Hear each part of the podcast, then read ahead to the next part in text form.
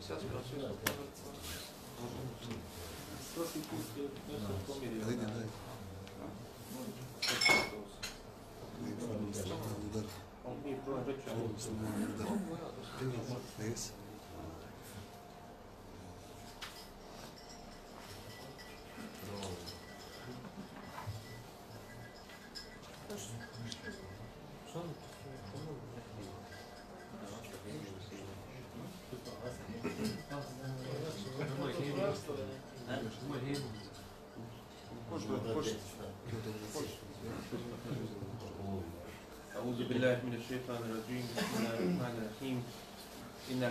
الحمد لله تعالى نحمده ونستعينه ونستغفره ونعوذ بالله من شرور أنفسنا ومن سيئات أعمالنا. من يهده الله فلا مضل له ومن يضلل فلا هادي له. وأشهد أن لا إله إلا الله وحده لا شريك له وأشهد أن محمدا عبده ورسوله. أرسله الله تبارك وتعالى بالهدى ودين الحق ليظهره على الدين كله. وكفى بالله شهيدا ثم أما بعد Svaka zahvala pripada Allahu subhanahu wa ta'ala, njega slavimo, njega veličamo, od njega pomoć tražimo, njemu se utječemo od zla naših duša i naših loših dijela. Neka je salavat i salam na njegovog posljednjeg poslanika, njegovog miljenika Muhammeda sallallahu alaihi wa sallam, njegovu časnu porodcu, sve njegove ashabe i one koji slijede njihov put do sudnjega dana. Zatim, inšala, nastavljamo govor o životu Allahovog poslanika, sallallahu alihi wa sallam. Allahovog najodobranijeg groba, pečata vjerovjesnika i poslanika, sallallahu alihi wa sallam. Vidjeli smo u prethodnim kazivanjima kako je složeno društvo bilo mekansko, koliko je bilo i loših stvari, ali ponekad i dobrih stvari u tom društvu. Kako su Arapi imali i neke svoje loše strane, a i dobre strane. Pa smo vidjeli jel, da je uvijek situacija bila napeta i vrlo lako moglo do, doći do toga da izbiju sukobi. Zbog tog nacionalizma koji je bio među njima, plemenskih pristrasnosti, podjela koji su postojale, zbog mnoštva griješenja koje je bilo i raširenosti raznih grijeha, u takvom društvu se rodio Allahu poslanik sallallahu alaihi ve sellem. I vidjeli smo kako je Allahu poslanik sallallahu alaihi ve sellem Allah uzvišeni dao da ima u osnovi teško djetinstvo, težak početak života. Ostao je bez svojih roditelja kao vrlo mali. I nije lahkim životom živio. Nije imao sva uživanja kakva su imali neki drugi u tom vremenu. Ali je to iskustvo koje ima u svojem djetinstvu, u svojoj mladosti, pomoglo da izraste u takvu ličnost kakav je bio. A bio je najbolja ličnost koju je čovečanstvo moglo da vidi, moglo da zamisli da će biti neko takav među ljudima.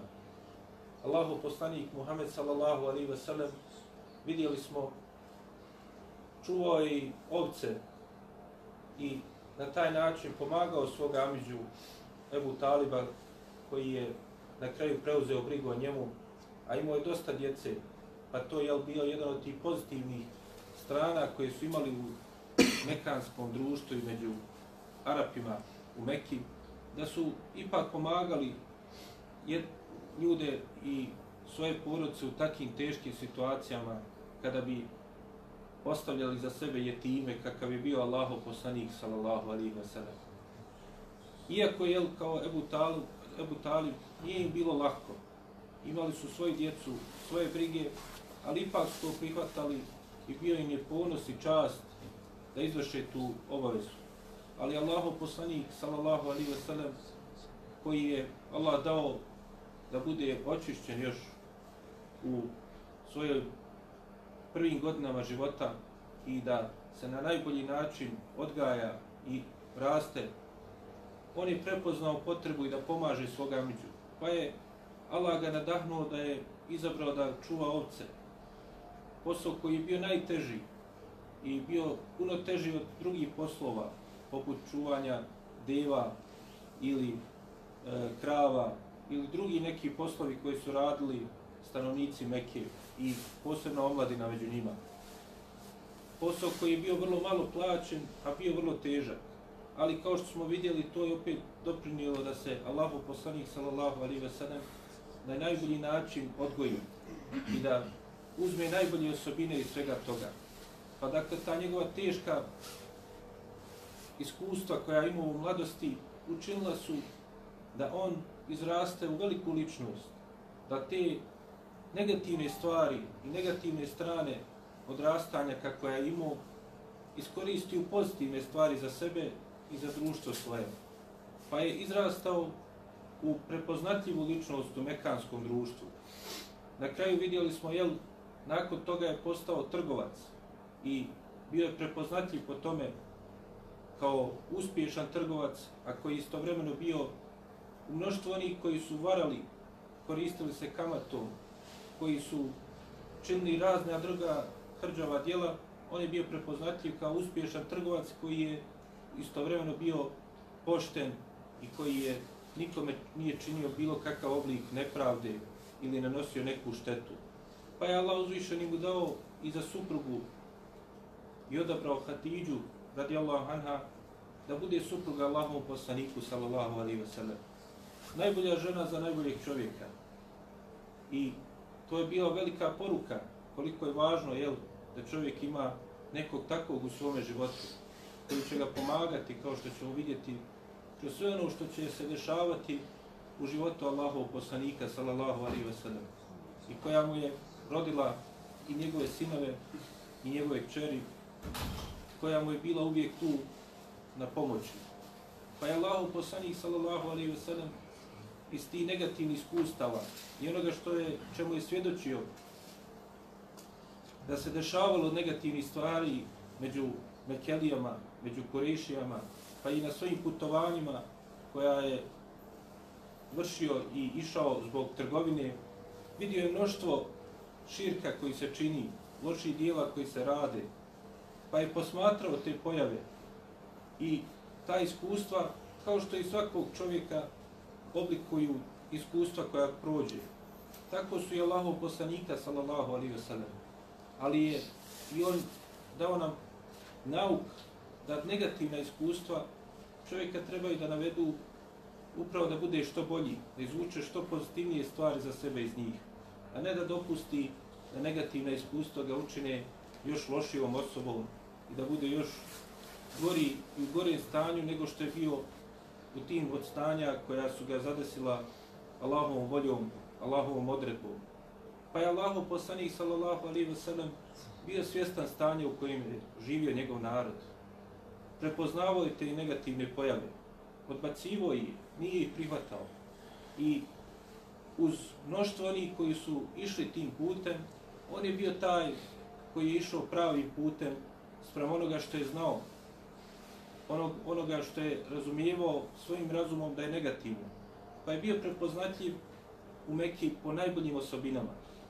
Kao što smo ispominjali, i njegovi e, preci, njegov djed i njegov pradjed i također su bili vođen njihov naroda Kureša zato što su bili prepoznatljivi po dobrim osobinama, zato što su bili korisni svome društvu i neke pozitivne stvari napravili u svome društvu. Pa tako je Allahu poslanik sallallahu alejhi ve sellem je bio sretan što je njegov Amidža Zubeir Ibn Abdul Mutalib kao što smo spominjali, bio taj koji je bio uzrok ugovora o dostojanstvu, da se ukloni nepravda od onoga kome je učinjena nepravda, da se pomogne onaj kome se čini nepravda, bez obzira na te plemenske podjele, bez obzira da li je bio od stanovnika Meke ili od nekih koji su dolazili u Meku, jer je Meka bila prometna zbog Kabe i njene svetosti i zbog toga što su ljudi dolazili radi obreda u Meku, a i trgovine zbog jel, mogućnosti da se tu nađu neke robe koje su dolazile sa raznih strana sa tim ljudima koji su dolazili da posjete Kaabu. Pa dakle, bila je velika potreba za takvim jednim ugovorom i dogovorom. I to je bila jedna od lijepi stvari koji su imali pozitivnih tekovina, koji su imali stanovnici Mekke. Jer kao što vidimo i danas, kada postoje mnogi ugovori, međunarodni sporazumi, kada postoje muslimanima prije svega svi razlozi da budu jedinstveni, okupljeni oko objave oko Kur'ana i Suneta, okupljeni oko puta Allahov poslanika, sallallahu alaihi ve sellem, vidimo mnoštvo nepravde, izvrtanja i pogrešnog tumačenja Allahove subhanahu wa ta'ala vjere, da bi se opravdali nečiji lični interesi, da bi se usmjerilo, što kažu, vodu na svoj mlin. Dakle, vidimo kako su ti mušici koji su imali sve te negativne stvari, opet prepoznavali pozitivne tekovine i prepoznavali pozitivne stvari. Pa tako su i prepoznali te pozitivne osobine kod Allahov poslanika sallallahu alaihi ve sellem. Kao što se spominje Allahu poslanik sallallahu alaihi ve sellem je bio prepoznatljiv po tome što nije činio nijedan od poznatih grijeha koji je bio raširen u tom vremenu. Niti da je bio od onih koji su radili bilo šta od negativnih stvari koje su bile opće društveno prihvaćene u mekanskom društvu. Allahu poslanik sallallahu alaihi ve sellem je Allah dao da mrzi to što su radili mušici od obožavanje kipova. I nikada, kao što se spominje u mnogim predajama, kao što bilježi Imam Ahmed, da je Allahu poslanik sallallahu alaihi ve sellem nikada nije dotakao nijedan kip, nikada nije tražio od njega pereke. Dakle, mušici Mekke su vjerovali Allaha subhanahu wa ta'ala. Znali su da je Allah gospodar. I čak, jel, kada bi bili u velikim nevoljama, kao što Allah i to opisuje u mnogim ajetima, oni bi se iskreno vraćali Allahu subhanahu wa ta'ala. Ali su te kipove uzeli kao posrednike među sebe i Allaha uzvišenog. Pa bi od njih tražili bereket, uzimali bi, pa bi se, jel, e, dodirivanjem tih kipova koji su bili stavili u i oko Kaabe, pokušavali jel, da dođu na taj način da, da ih oni približe Allahu subhanahu wa ta'ala. Dakle, ši, oblik širka koji, nažalost, vidimo da i danas znanje je u umetu Muhameda sallallahu alaihi wa sallam. I da postoje oni koji na takav način, jel, opet, žele da se približe Allahu subhanahu wa ta'ala. Isto ono što su radili i stanovnici Mekke. Imam Nesai i drugi bilježe da je Zaid ibn Harithe, jel, jedan od najbližih drugova Allahov poslanika, sallallahu alaihi wa sallam, i oni koji su prvi primili islam, koji je u početku, jel, pošto je bio rob, bio pripisivan Allahovom poslaniku, sallallahu alaihi wa sallam, kaže da je u tom predislamskom periodu prije objave i prije slanja poslanstva Allahom poslaniku, sallallahu alaihi wa sallam, znali su tavafti oko Kjabe i postojali su kipovi koje su mušici Mekke dodirivali i od njih jel, pokušavali da uzmu bereke dok su činili tavaf. Pa kaže Allahu poslanik sallallahu alaihi wasallam kada bi vidio mene da dodirujem, govorio mi nemoj ih dodirivati. Pa sam ja ipak želio da ustrajem u to, da vidim kako će reagovati. Zašto on to, nije mu bilo jasno, zašto to govori. Kao što je Allahu poslanik sallallahu alaihi wasallam u tom vremenu, jel, nije mu došla objava. On nije znao detalje da pojasni oko ti stvari. Jer on je bio opet jedan od stanovnika tog grada, obični čovjek koji nije imao neke posebnosti i živio je životom koji svi ostali stanovnici Mekke. Ali njegov ispravan odgoj i njegovo ispravno odrastanje na fitri, na razumijevanju Allahove subhanahu wa ta'ala veličine, učinile su da je to u njegovom srcu bilo mrsko, da vidi i da čini. Pa je rekao, kada je opet to uradio, Zed ibn Harife, rekao mu je, nemoj to raditi, zar ti nisam zabranio. Dakle, kao što spominju učenjaci, i tada se je vidjelo kakav je ahlak imao Allahu poslanik, sallallahu alaihi veselem, kako je bio blag. Dakle, iako je ovaj bio kod njega rob, on ga nije napao, nije izgalamio se na njega, nego na lijep način mu opet ga ukorio da to ne čini.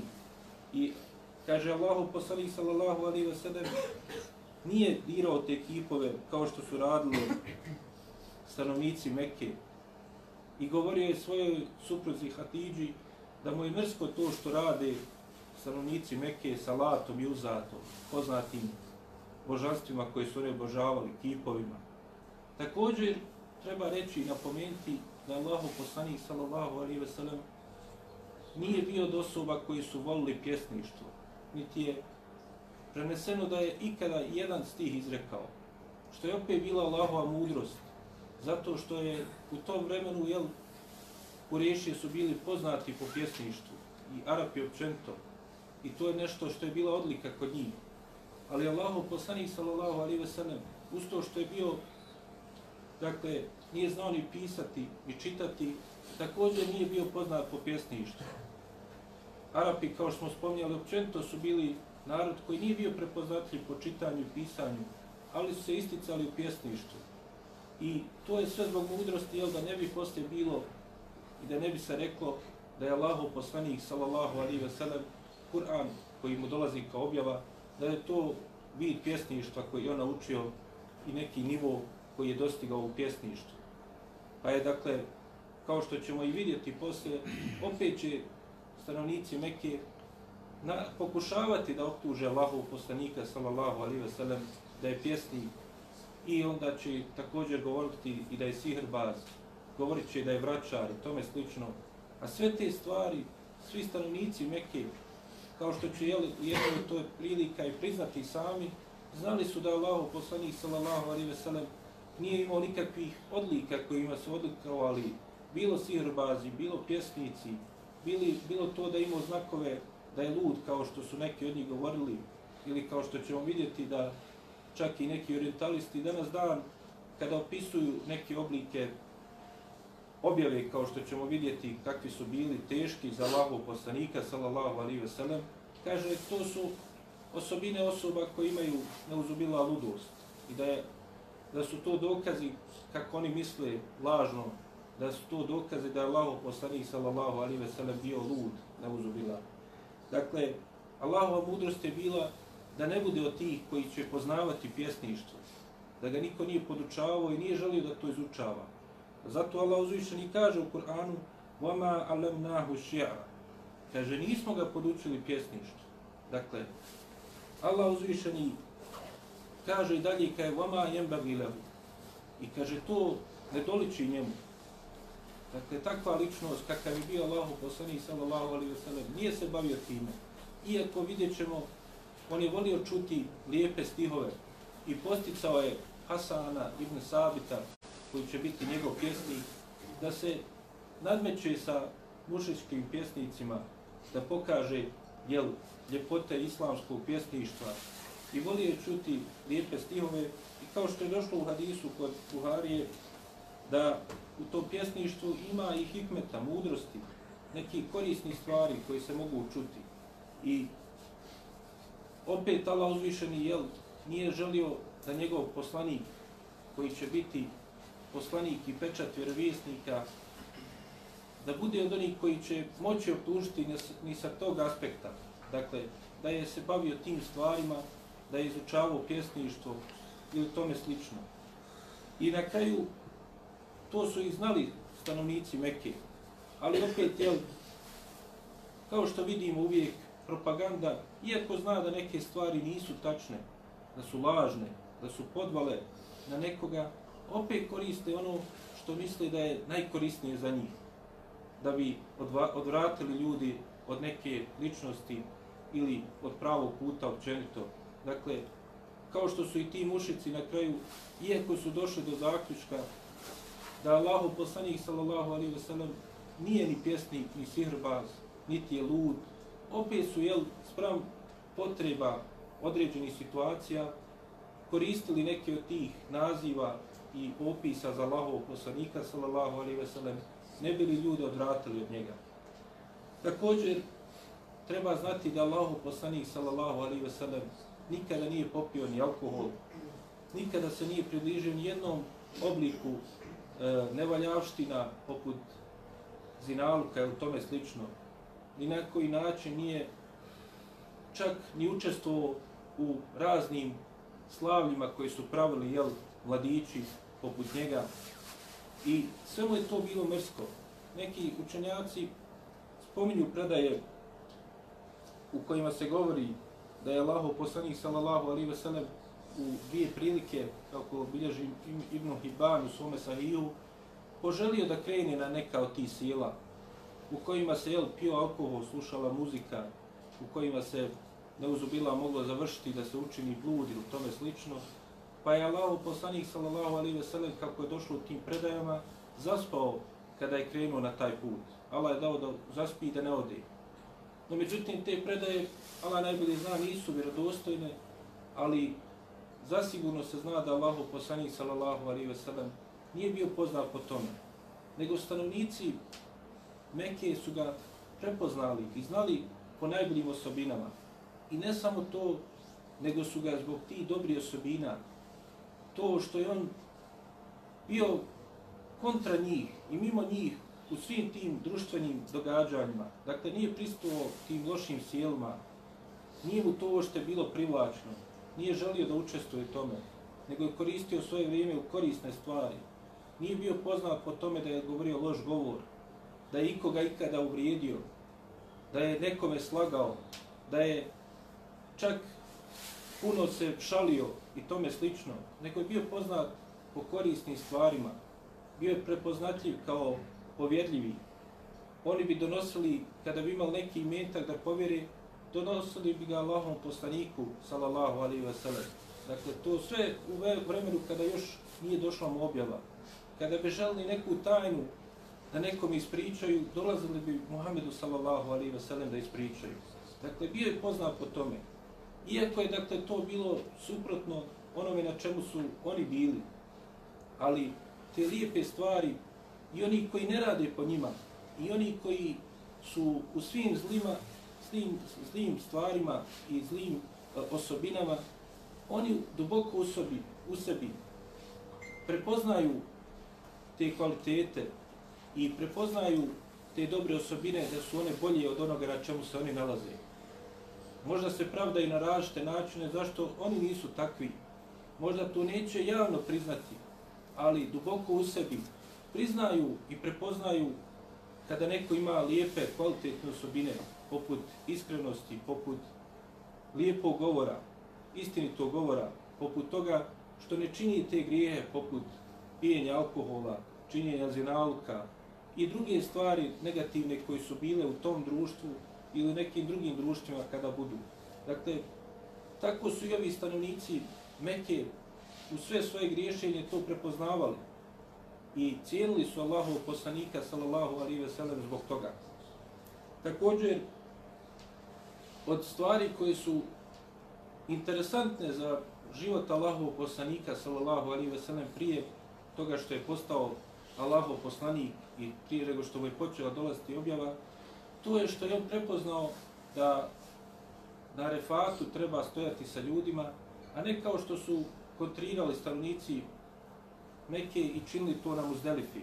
Dakle, i to je nešto što će na kraju se i u Kur'anu potvrti u obredima hađa ispravnim, dakle da e, kaže su u ajetu thume fidu min hajtu efaden nas, kaže, i onda kaže kreni, odakle krenu ljudi, to jest otiđi na refat i budi s njima zajedno. Pa dakle, Allahu poslanik sallallahu alaihi ve sellem čak i u tim nekim stvarima koji su imali od da prepoznali to i nije radio kao što su radili stanovnici Mekke.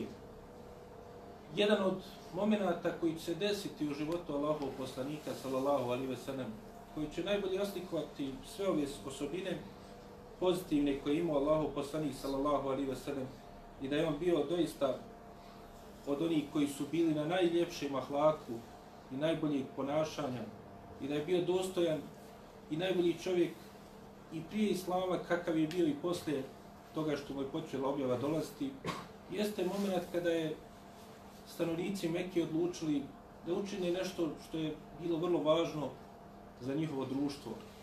Nešto što je bilo jedna od ključnih stvari oko koji se kretalo njihovo društvo. a to je da ponovo izgrade i obnove e, Kaabu, Allahovu subhanahu wa ta'ala kuću na zemlji. Pa su odlučili stanovnici Mekke, uglednici među njima iz plemena Kurejiš, da Kjabu ponovo izgrade. Spominje se, jel, kao što je poznato, Kjaba je prva Allahova kuća na zemlji. Kao što bilježi imam Bejhati, Adem ali salam je još prvi koji je izgradio Kjabu. I ona je bila tu, na tom mjestu, sve dok nije narod Nuho potopljen. I Nuh ali salam je dolazio do nje. Pa je dakle potopljena i nakon toga nekoliko generacija, nekoliko vijekova, Allah najbolje zna koliko, je bila neizgrađena. Pa je Allah uzvišen i poslao Ibrahim ali salam da je ponovo izgradi. I onda je ona bila tu, kao što znamo, jel, tu je on naselio svoga sina Ismaila, iz čijeg potomstva će se i pojaviti Allahu poslanik sallallahu alaihi wa sallam i iz čijeg porijekla vode općenito Kurešije i ona će biti tu, nalazi se u Mekki. No međutim, Kaaba je bila samo naredane kamenje jedno na drugo. Dakle, nije bila izgrađena kako je su inače gradili građevine i u tom vremenu. Dakle, nije bilo onog maltera, onog vezivnog tkiva između tog kamenja. I često je, dakle, ugrožavali razne poplave koje se dešavale. Pošto, jel, Kaaba se nalazila između tih brda koje su okruživale, dakle, kao dolina, pa je, dakle, bila pod velikim uticajem svih eventualnih poplava koje se dešavale. Jedno od tih zadnjih poplava koja bi se desila u to vrijeme, osjetili su stanovnici Mekije da ugrožava Kaabu. Pa su vječali šta da uradi. Jedni su predlagali da samo popravi ono što se pokvarilo u toj zadnjoj poplavi, no međutim neki poput e, Ebu Umame, Ibn Mugire su predlagali da ponovo naprave Kjabu, da je ponovo sagrade i da je dakle sagrade kao pravu građevinu. No međutim, većina se bojala šta će se desiti. Znamo šta se je desilo sa Ebrahom, vlasnikom slonova koji je došao bio da suši Kaabu. Pa su ti isti mušici koji su čili šir, koji su imali toliko negativnih kod sebe osobina, bojali se Allaha subhanahu wa ta'ala šta će uraditi s njima ako krenu da ruše Kaabu? I da je, ali normalno, je sa namjerom da je ponovo grade. Pa je zato El-Walid ibn Mogire, još jedan od uglednika koji je bio najmlađi među njima, pa zbog toga vjerovatno i najsmjeliji, rekao je, mi želimo, jel, da ovu Kaabu ponovo, da je srušimo pa ponovo gradimo iz dobrog ili lošeg razloga. Svi su rekli iz dobrog da bi je napravili još bolje, da bi učvrstili njenu građevinu. Pa kaže, neće nas Allah inšala kazati zbog toga. No međutim, oni nisu smjeli da se usude da to urade što je on predložio. Pa je on sam krenuo da to radi. Pa kada su vidjeli da mu se nije ništa dogodilo, oni je pozvao da i oni mu se pridružu. Ali oni su rekli, ne smijemo, sačekat ćemo sljedeći dan da vidimo da li će se šta desiti u toku noći. Da li će Allah te na neki način kazniti zbog toga što si radio. I da li Allah time, jel, da vidimo da li je to da nam bude i šaret, da je Allah zadovoljan sa tim što si ti krenuo i što smo krenuli da radimo. Pa je na sljedeći dan, kada se ništa nije desilo Velidu, oni su odlučili da mu pomognu. Između ostalog i Allahu poslanik sallallahu alaihi wa sallam, pošto je njegova porodica, Benu Abdul Mutalib, bili uglednici zajedno sa svojim amidžama je pomagao u gradnji Kaabe. Pa su, dakle, podijelili svoje radove. I svi su učestvovali, sve ugledna plemena učestvovala su u tom časnom poslu. Između ostalog, šta se još dogovorili, bilo je, dakle, da samo halal i meta koriste u izgradnji Kaabe. Dakle, mušici, stanovnici Mekke, koji su kod sebe imali raznih oblika i metka, koji, bio, koji su sticali na haram način. Neki su jel, sticali metak, kao što smo spominjali, od prostitucije, naplaćivali jel, usluge za te žene koji su takve usluge davale neki su se bavili kamatom, neki su nepravedno i metak uzimali. Svi su se složili i istinski stoji primijenili da samo halal i metak koriste u izgradnji Kjabe. Dakle, mušrici Mekke, ljudi koji Allahu čine širk, koji Allahu griješe, dakle, vidimo je to prepoznavanje dobrih stvari, kao što su prepoznali Allahov poslanika, sallallahu alaihi wa sallam, kao dobru osobu zbog pozitivnih osobina, također prepoznaju koliko je važno da čovjek jel, takav jedan dobar posao gradi od halal i metka. Pa dakle, čak će i to dovesti da neće uspjeti da završe kabu onako kako treba, zato što će im ponestati halal i metka. Imali su drugog imetka, ali nisu željeli i po cijenu da ne završe, ne dovrše kabu do kraja, da koriste, dakle, taj haram i meta koji su imali kod sebe za izgradnju Kabe. Spominje se da Allahu poslanik sallallahu alaihi ve sellem, kao što bilježi ima Buhari i drugi, učestvu u toj gradnji zajedno sa svojim Amidžom, bio je dodijeljen mu Amidža, njegov Abbas, da zajedno oni nosi to kamenje. Pa dakle, to su bile velike kamenice koje su oni nosili, teške. Pa je Abbas predložio Allahom poslaniku, sallallahu alaihi ve sellem, da svoj donji ogrtač. Dakle, oni su imali odjeću oko dva ogrtača, jedan donji, jedan gornji. Da uzme, dakle, i da stavi na svoje rame ili na svoju glavu i da na taj način e, olakša sebi da ga ne žulja to kamenje koje nosi. Pa je Allahu poslanik sallallahu alaihi wa sallam to i uradio. No međutim, kada je krenuo i kada je shvatio da je, dakle, nije pokriven kako treba, da njegovi avreti se mogu vidjeti na taj način, spominje se dakle u tim hadisima kod imama Buharije da je Allahov poslanik sallallahu alaihi ve sellem se od stida odesvijestio. Dakle, toliko se stidio da ne bi neko vidio njegova stidna mjesta, da se on svijestio Allahov poslanik sallallahu alaihi ve sellem. I kaže se, oni koji prenosi ovo ovaj događaj, kaže se, nikada više nije vidio, vidio na Allahov poslanik sallallahu alaihi ve sellem da se moglo vidjeti njegova stidna mjesta.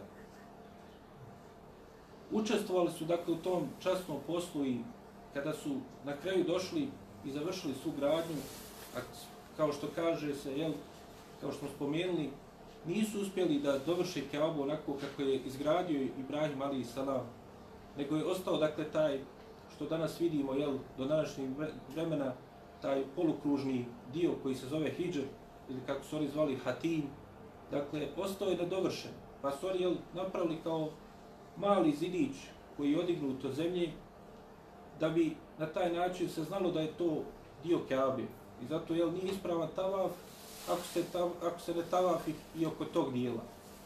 I dakle, nisu imali dovoljno imetka da završe halal imetka, pa su na taj način završili tu gradnju i označili jel, da se zna dok je Kjaba. Također spominje se, kao što bilježi imam Buharija, da su odigli vrata od zemlje i učinili dakle, da budu samo jedna vrata, dotaž bila dvoja. Kaže, zašto su to uradili? Zato da bi mogli oni jel, da budu ti koji će dozvoljavati i zabranjivati ko će ulaziti u Kjavu. Dakle, ipak imali su jel, taj vid nepravde, kao oni će da odlučuju ko će ili neće ulaziti u Kjavu. No međutim, onda kada je trebalo da stavi Hadžaru Lesved, crni kamen koji se nalazi na uglu Kjabe, onda se došlo do nesporazuma između njih. I onda se probudila ta plemenska pristrasnost. Ko je bolji, ko je vredniji, ko je preči da to uradi. Ko će taj biti koji će staviti Hadžarul Esved na njegovo mjesto. I kaže se da je čak došlo do toga da se pobojali da će doći do sukoba, da će se međusobno početi da ponovo vraćaju na ono stanje rata koji smo spominjali prije, zbog ti nekih malih razlika, ali sve zbog u stvari tog žara i vatre koji je bio u njihovim srcima, vatre pristrasnosti svojim plemenima, oblika nacionalizma koji su imali kod sebe. Pa je Ebu Mame Ibn Mugire al-Mahzumi predložio da ne dopusti da se to desi, nego da, kao što su imali običaj u svome vremenu, jel, da prepuste, što bi rekli kocki, kako će se to desiti. Dakle, rekao je, kaže, ko prvi uđe u taj krug kod Keabe, njega ćemo zamoliti da nam presudi i da kaže kako da uradi. I svi smo obavezni da tako postupimo. I onda se svi složili od tih velikaša, plemena Kurejiš, složili se da tako postupe. I onda prvi koji je ušao bio je Allahu poslanik Muhammed sallallahu alaihi wa sallam. Kaže, kada su ga ugledali ti velikaši Kurejiša, ti isti koji su tu bili već bili spremni da zarate zbog toga, koji su odigli vrata Kjabe, da bi mogli oni da budu ti koji će zabranjivati nekome ko će ulaziti u Kjabu, na takav način činiti nepravdu, prepoznali su one dobre osobine u Allahovom poslaniku, sallallahu alihi ve. Pa su rekli, sa njim smo zadovoljni. Kaže, el emin, el emin, sa njim smo zadovoljni. Rekli su, jel, došao je po, povjedljivi, pouzdani. Svi smo zadovoljni da nam on presudi. U svo njihovo zlo koje su imali, opet su prepoznavali da trebaju da poslušaju onog dobrog među njima, onog koji je poznat po dobrim osobinama među njima. Pa je Allah poslanik sallallahu alaihi ve sellem, kao što je došlo jel, u predajama, iako ima razilaženja po pitanju toga, e, da li je vjerodostojna ova predaja, ali šeha Albani drugi kažu da je vjerodostojna. E, dakle, Allahu poslanik sallallahu alaihi ve sellem je došao sa jednim lijepim rješenjem za njih. Uzo je i tražio komad platna na koji su stavili Hadžar u Lesved, pa je rekao tim predvodnicima svakog od tih plemena da svaki od njih upati za jedan kraj tog platna i da ponesu do Kjabe. A onda je on uzeo taj kamen i u ime njih svih stavio taj kamen na njegovo mjesto. Na takav način je ostvario da su svi učestvovali u tom dijelu. Dakle, svi su bili učesnici u stavljanju kamena. I na taj način je Allahu poslanik sallallahu alaihi ve sellem bio sebe i razlog da ne dođe do velike fitnije među njima. A oni su jel bili zadovoljni sa tim njegovim načinom kako je to postupio. Poslije Allahu poslanik sallallahu alaihi ve sellem kao što se bilježi kod imama Buharije i drugi, kada ga je Aisha radijallahu anha pitala zašto nije vratio Kjabu na temelje Ibrahima alaih salam, jel, zašto nije završio tu gradnju, jer između ostalo, zbog toga što nisu imali dovoljno imetka tog halal, oni su i učinili da je Kjaba malo niža nego što inače bila kada je izgradio Ibrahim alaih salam. Pa je Allah poslanik sallallahu alaihi sallam tu naveo jedno zlatno pravilo u razumijevanju i odnosu prema ljudima. Rekao je Aiši radijallahu anha, kaže da tvoj narod nije tek primio islam i bio još mlad u svome prihvaćanju Allahove subhanahu wa ta'ala vjeri, kaže, učinio bi e, da vratio bi Kaabu i izgradio je na temeljima Ibrahima alaih sana.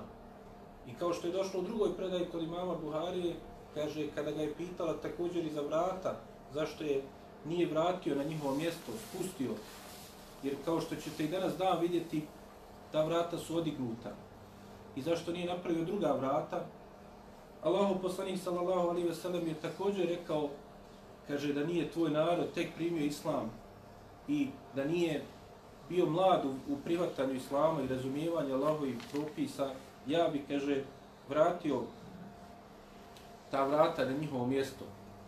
Pa dakle, učenjaci iz ovoga izvlači velike poruke za nas, kao što bilježi, ima, e, spominje Ibn Hajar, Hafiz Ibn Hajar u Fathul Bariju, najpoznatijem komentaru na Sahihu Buhari, kaže, iz ovoga vidimo jel, kako je potrebno nekada ostaviti neko dobro djelo ako će to spriječiti neko veće zlo. Jer da je Allah poslanik sallallahu alaihi ve sellem nakon što je oslobodio Meku, uradio to, šta bi rekli oni koji okolo su bili? rekli bi prvo što je uradio Muhammed sallallahu alaihi ve sellem nakon što je oslobodio Meku, jeste da je srušio Kaabu. Dakle, takav bi se poruka stvorila. Iako je to radio da bi je ponovo izgradio, da bi je vratio na njene temelje, ostala bi samo poruka da je Muhammed prvo što je uradio, srušio, sallallahu alaihi ve sellem, Kaabu. Pa je dakle, zbog tog dobrog djela, ali koji nije naređen, koje je preporučljivo, koje je dobro djelo, ali nije stroga naredba, ostavio ga je Allah poslanik sallallahu alaihi ve sellem, jer nasuprot njega je bilo to da bi izazvalo to veliko zlo. I kao što i kažu učenjaci također, koliko je važno da čovjek jel, gleda kakva se slika stvara o islamu, kako čovjek svojim postupcima utiče da ljudi stvori određenu sliku islamu. I da na osnovu toga, jel, ako zna da će neka, neki postupak stvoriti slo, lošu sliku, a nije naređen, jel, poput ovog postupka, da je dužan da ostavi taj postupak da ne bi naštetio na taj način islamu i da radi te jel, veće štete ostavi neku manju korist koja će se ostvariti. Također jel, vidimo i kako je Allahu poslanik sallallahu alaihi ve sellem se savjetovao sa svojim, svojim suprugama, Aishom radijallahu anha. Također, jel, kažu, u ovom se vidi kako su ashabi slušali i poslušni bili Allahom poslaniku sallallahu alaihi ve sellem, jer nisu mu kontrirali tome i izušavali su sve njegove naredbe i vodili računa da ne prekrše ništa od onoga što je Allahu poslanik sallallahu alaihi ve sellem naređivao. A također, jel, iz ovoga i vidimo kako je potrebno da čovjek, kad otklanja bilo kako zlo, to radi sa mudrošću i na lijep način i vodi računa da počinje od onih stvari koji su najvažnije. Dakle, to nije bilo u tom momentu najvažnije. Allahu poslanik sallallahu alaihi ve sellem, kada je došao do Kjabe, nakon svega, kao što ćemo vidjeti, inšala, kada dođemo do tih događaja, nakon svog tog perioda koji će proći kroz put pozivanja Allahu subhanahu wa ta'ala, prvo što je uradio je bilo da polomi te kipove. Ali dakle, također vidimo da je to došlo jel, pred sami kraj života Allahov poslanika sallallahu alaihi ve sellem. I zato što je Allahov poslanik sallallahu alaihi ve sellem prvo ponovio te kipove u njihovim srcima, uništio njihova objeđenja koja su smatrali i zagovarali, onda je bilo lako da dođe i pored Kabe poruši te sve kipove i uništi one kipove koji su bili u Kabi. I nikome to jel, tada onda nije bilo sporno. Zato što je odgojio, podučio, objasnio im, pojasnio, dugo vremena proveo pojašnjavajući, ne jednom ili dva put, nego dugo vremena na sve moguće načine i oblike. I onda je kada je Allah uzvišeni mu naredio da to izvrši, to je bilo već jel, kada su ljudi već u svojim srcima shvatili da je to ništavno što su do tada radili. Treba spomenuti da je, što se tiče gradnje Kaabe na temeljima Ibrahima alaih Salam, u vremenu hilafeta Abdullaha ibn Zubira, 65. ili 64. godine po Hidžri, dakle, u tom periodu Abdullah ibn Zubir je po ispravnijem mišljenju već bio i praktično bio halifa muslimana, on je nakon što je došlo do određenih borbi i oštećenja na, Kab, na Kabi zbog djelovanja Hadžađa ibn Jusufa i Takafija, koji je čak gađao katapultom Kjabu zato što je želio da ukloni i da porazi Abdullaha ibn Zubeira. Kao što bilježi imam muslim, tada je Abdullah ibn Zubeir odlučio da Kjabu vrati na Ibrahimove temelje. Pošto je bilo već oštećenja, vječao i savjetovao se sa mnogima, između ostalog sa Ibn Abbasom, Abdullahom ibn Abbasom, a znajući da je Aisha radijallahu anha prenila ove riječi od Allahovog poslanika sallallahu alaihi ve sellem, zato što je između ostalog Aisha i bila njegova tetka, jer njegova majka je bila Esma, čerka Ebu Bekra, sestra Aisha radijallahu anha, on je odlučio da je ponovo dakle, izgradi Kjavu, da je sruši da je izgradi onako kakva je bila u vrijeme Ibrahima ali i selam. Kaže, kao što nas je poslanik sallallahu alaihi ve sellem obavijestio, govorio Ibn Zubeir, tada Kureše nisu imali dovoljne metka da je završe tako. Allahu poslanik sallallahu alaihi ve sellem je ostavio to kada je oslobodio Meku, da ne bi došlo do fitne. Sada ja imam mogućnost, imam i metka dovoljno ja ću to uraditi. I tako je uradio. No međutim, 73. godine po Hidžri,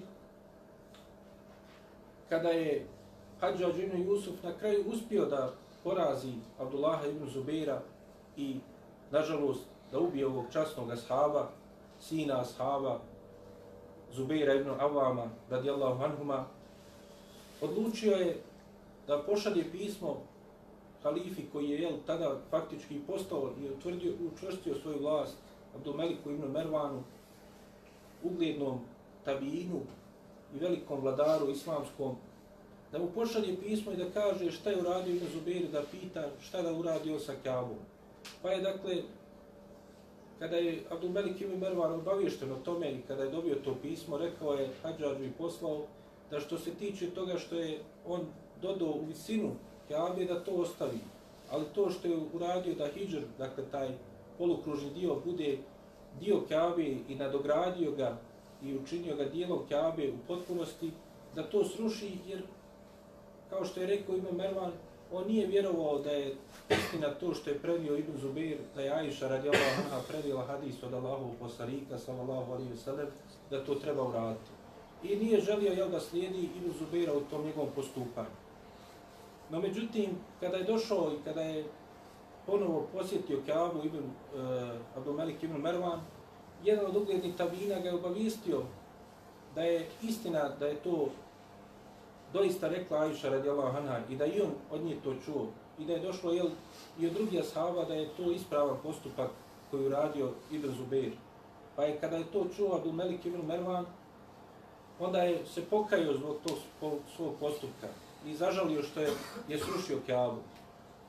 Pa je ona ostala jedno vrijeme tako. Pa se spominje da je u vrijeme hilafata Abasijskog halife Mehdija on odlučio da je ponovo sruši i da je izgradi na temeljima Ibrahima ali i salam. No međutim, savjetovo se sa poznatim učenjacima tog vremena, između ostalog sa imamom Malikom, da li da to uradi. Pa ima Malik opet mudro zaključio i rekao i ovom halifi da je bolje da ostavi onako kako jeste.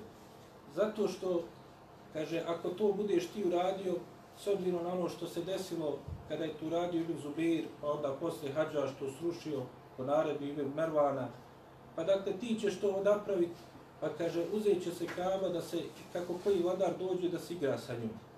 I bolje da to ostavimo, nek stoji tako kako jeste, nema u tom neke velike štete, a more se jel pruzrokova s druge strane šteta da stalno neko dolazi, ruši grad i Kjabu, pa je Mehdi odustao od te svoje namjere. I Kaaba je, dakle, u takvom obliku, kako je iz vremena Ibn Mervana, ostalo do današnjeg vremena, dakle, od 70. i neke godine po Hidžri do danas, ona je u istom obliku, dakle, samo je dorađivana, ali oblik i sve ostalo je ostalo onako kako je bilo u vrijeme Ibn Mervana, kada je on bio halifa.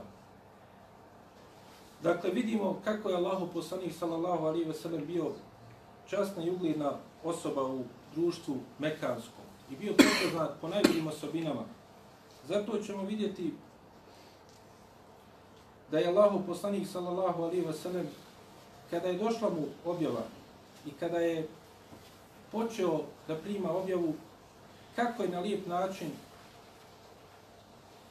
Hatidža radijallahu anha opisala Allahu poslanika sallallahu alaihi wa sallam i prepoznala dakle i rekla kada je došao Allahu poslanik sallallahu alejhi ve sellem uznemiren u strahu od onoga što je došlo mu od objave dakle on nije imao nikakvih naznaka niti je to zagovarao niti je tražio tu neku potrebu da on vodi te ljude.